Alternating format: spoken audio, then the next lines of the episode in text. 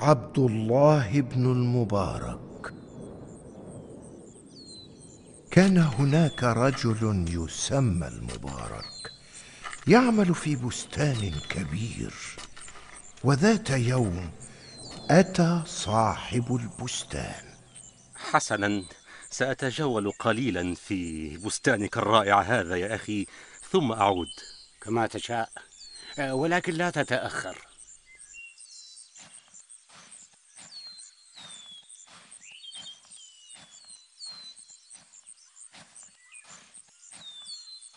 السلام عليكم. وعليكم السلام ورحمة الله وبركاته. مرحبا بك يا سيدي. ما شاء الله ما شاء الله. لا قوة إلا بالله. ما أخبار العمل اليوم؟ لقد جمع العمال محصول الرمان وقد كان محصولا وفيرا والحمد لله. وأنا الآن أنظف الحقل وأجمع الثمرات المتساقطة هنا وهناك. الحمد لله. هل لي أن أطلب منك طلبا؟ اطلب ما شئت يا سيدي. أريد حبة رمان على أن تكون ناضجة وحلوة الطعم.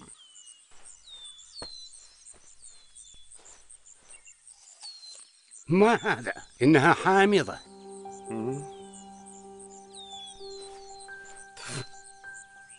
قلت لك أريد حبة حلوة. وهذه أيضا حامضة. ماذا بك؟ كل حبات الرمان التي قدمتها لي حامضة. عذرا يا سيدي عذرا. لم أكن أقصد ذلك. لم تكن تقصد. ألا تعرف الرمان الحلو من الحامض؟ وكيف لي أن أعرف يا سيدي؟ وأنا لم أذق. ألم تأكل من هذا الرمان من قبل؟ أبدا يا سيدي. كيف؟ مع أنك تعمل هنا. طوال اليوم لأنك لم تأذن لي يا سيدي. آه. ما اسمك أيها الشاب؟ اسمي المبارك يا سيدي. المبارك. ما شاء الله. ما أشد أمانتك. سامحني. عنفتك في لحظة غضب. بل أرجو أن تقبل أنت اعتذاري لأنني أغضبتك. لا بأس لا بأس. فلتعد إلى عملك الآن.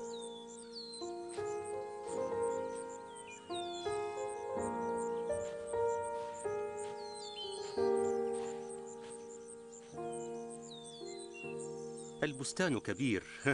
كدت أتوه فيه. حمدا لله على سلامتك. لقد تذكرت أمرا وأنا أتجول في البستان. أي أمر؟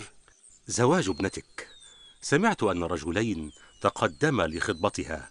فمن منهما ستوافق عليه؟ قرار صعب. حتى ابنتي لا تعرف أيهما تختار. فأحدهما من أكبر قبائل العرب. والآخر من أغنى الأغنياء وابنتي لا تبحث عن النسب أو الغنى بل عن الدين والأخلاق ولكنني عرفت الآن من سترضى به ابنتي زوجا لها إنه ذلك العامل من؟ هذا العامل؟ نعم إنه رجل أمين وأعتقد أنه سيكون أفضل زوج لها.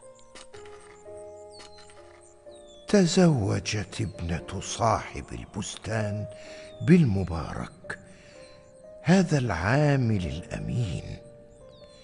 أب تقي وأم عاقلة أنجبا بعد ذلك ولدا. ربياه تربية عظيمة أهلته لأن يذكره التاريخ ذكرا حسنا. وإن كان بعض التابعين الأجلاء قد اشتهروا بالزهد وبعضهم بكثرة العبادة والبعض الآخر بحب الجهاد في سبيل الله وآخرون بطلب العلم وتبليغه فقد اشتهر ابن هذه الأسرة الكريمة بكل ذلك. إنه التابعي الشهير عبد الله بن المبارك. ماذا بك يا عبد الله؟ لماذا تركتنا بعد صلاة الفجر ورحلت وحدك؟ لم أكن وحدي. كنت مع النبي صلى الله عليه وسلم وصحابته رضوان الله عليهم. ماذا؟ كيف؟ كنت أطلب العلم ومن يطلب العلم يعرف ما كان يصنعه الرسول الكريم وصحابته فكأني كنت معهم. والآن حان الوقت لأكون مع الله جل وعلا. سأصلي ركعتي الضحى. وماذا عن الجيش؟ سيتحرك اليوم ألن تكون معهم؟ سأصلي الظهر. وأنطلق معهم بإذن الله. عابد مجاهد. هكذا كان عبد الله بن المبارك. كان عبد الله يخرج مع الجيوش التي تدافع عن البلاد وتحمي حدودها أخبرني يا عبد الله أعرف أنك تحب العلم. فما الذي دفع بك لتصبح جنديا في الجيش؟ وما المانع؟ أيمنعني طلب العلم عن المشاركة في الدفاع عن حدود بلادنا؟ بالعكس إنه يشجعني على ذلك. فأنا أعلم ما في هذا من ثواب عظيم. ولكنني أتوقع دائما أن طلاب العلم يحبون العبادة والاعتكاف في المساجد والصلاة. وأنا أرى أن الدفاع عن حدود بلادنا واجب علي ما دمت أستطيع فعل ذلك. وأنا في غاية السعادة لأنني أتولى الحراسة اليوم. آه نعم. آه إنه دورنا في الحراسة اليوم ولا بد أن نتناوب العمل. سأنام قليلا وعندما تشعر بالحاجة إلى النوم أيقظني لأكمل الحراسة. بإذن الله. استرح أنت الآن. الله أكبر. آه. لم يكن اشتراك عبد الله في الجيش يمنعه من ذكر الله وعبادته فكان في النهار فارسا مغوارا وفي الليل عابدا قائما. هيا هيا أيها الجندي الكسول لقد أشرقت الشمس ما هذا؟ ما الأمر؟ هل سيتحرك الجيش؟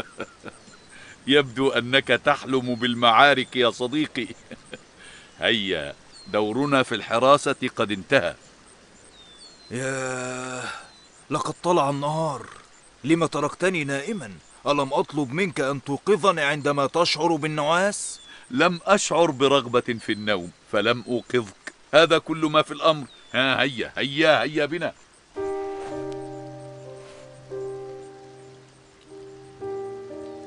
وكما كان عبد الله متميزا وهو طالب علم كان متميزا جدا وهو فارس ومقاتل بارع في استخدام السيف شجاع.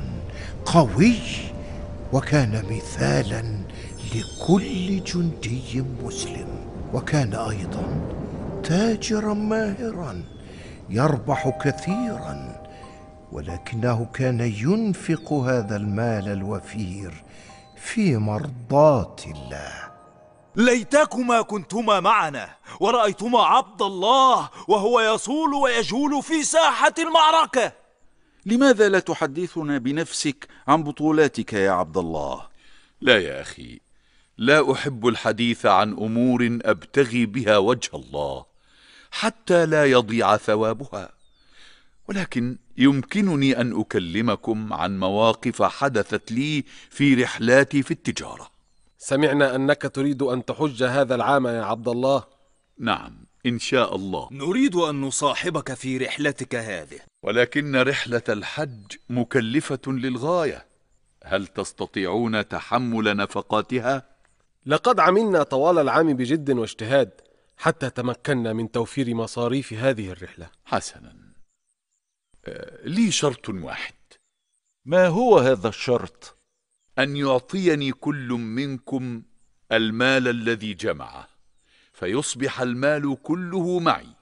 وأتولى أنا تقسيمه وصرفه أثناء الرحلة. ها هو كل المال الذي جمعناه للرحلة. وها هو مالي. على بركة الله. انطلق عبد الله وأصدقاؤه قاصدين بيت الله الحرام ليؤدوا فريضة الحج. وكما اتفقوا تولى عبد الله مسؤولية حفظ المال والصرف منه طوال الرحلة ولم يواجهوا في رحلتهم أي مشكلة. وذكرهم عبد الله بشراء بعض الهدايا من مكة والمدينة لأهلهم وكفتهم الأموال لذلك. ثم عادوا من رحلة الحج سالمين بحمد الله. الحمد لله الحمد لله الذي أعاننا على حج بيته الحرام وأعادنا إلى ديارنا سالمين. تقبل الله منا أعمالنا. ما أدهشني حقا هو أن الكثيرين في مكة والمدينة يعرفونك يا عبد الله. أنسيت أن عبد الله يسافر كثيرا طلبا للعلم. أهم ما في الأمر أن الأموال التي جمعناها كفتنا في هذه الرحلة. بل وبقي منها أيضا. ماذا؟ كيف؟ ها هو مالكم كامل غير منقوص ولا أريد نقاشا في هذا الأمر. ليأخذ كل منكم ماله ولتستعدوا لتناول الطعام. هيا بنا هيا على بركة الله.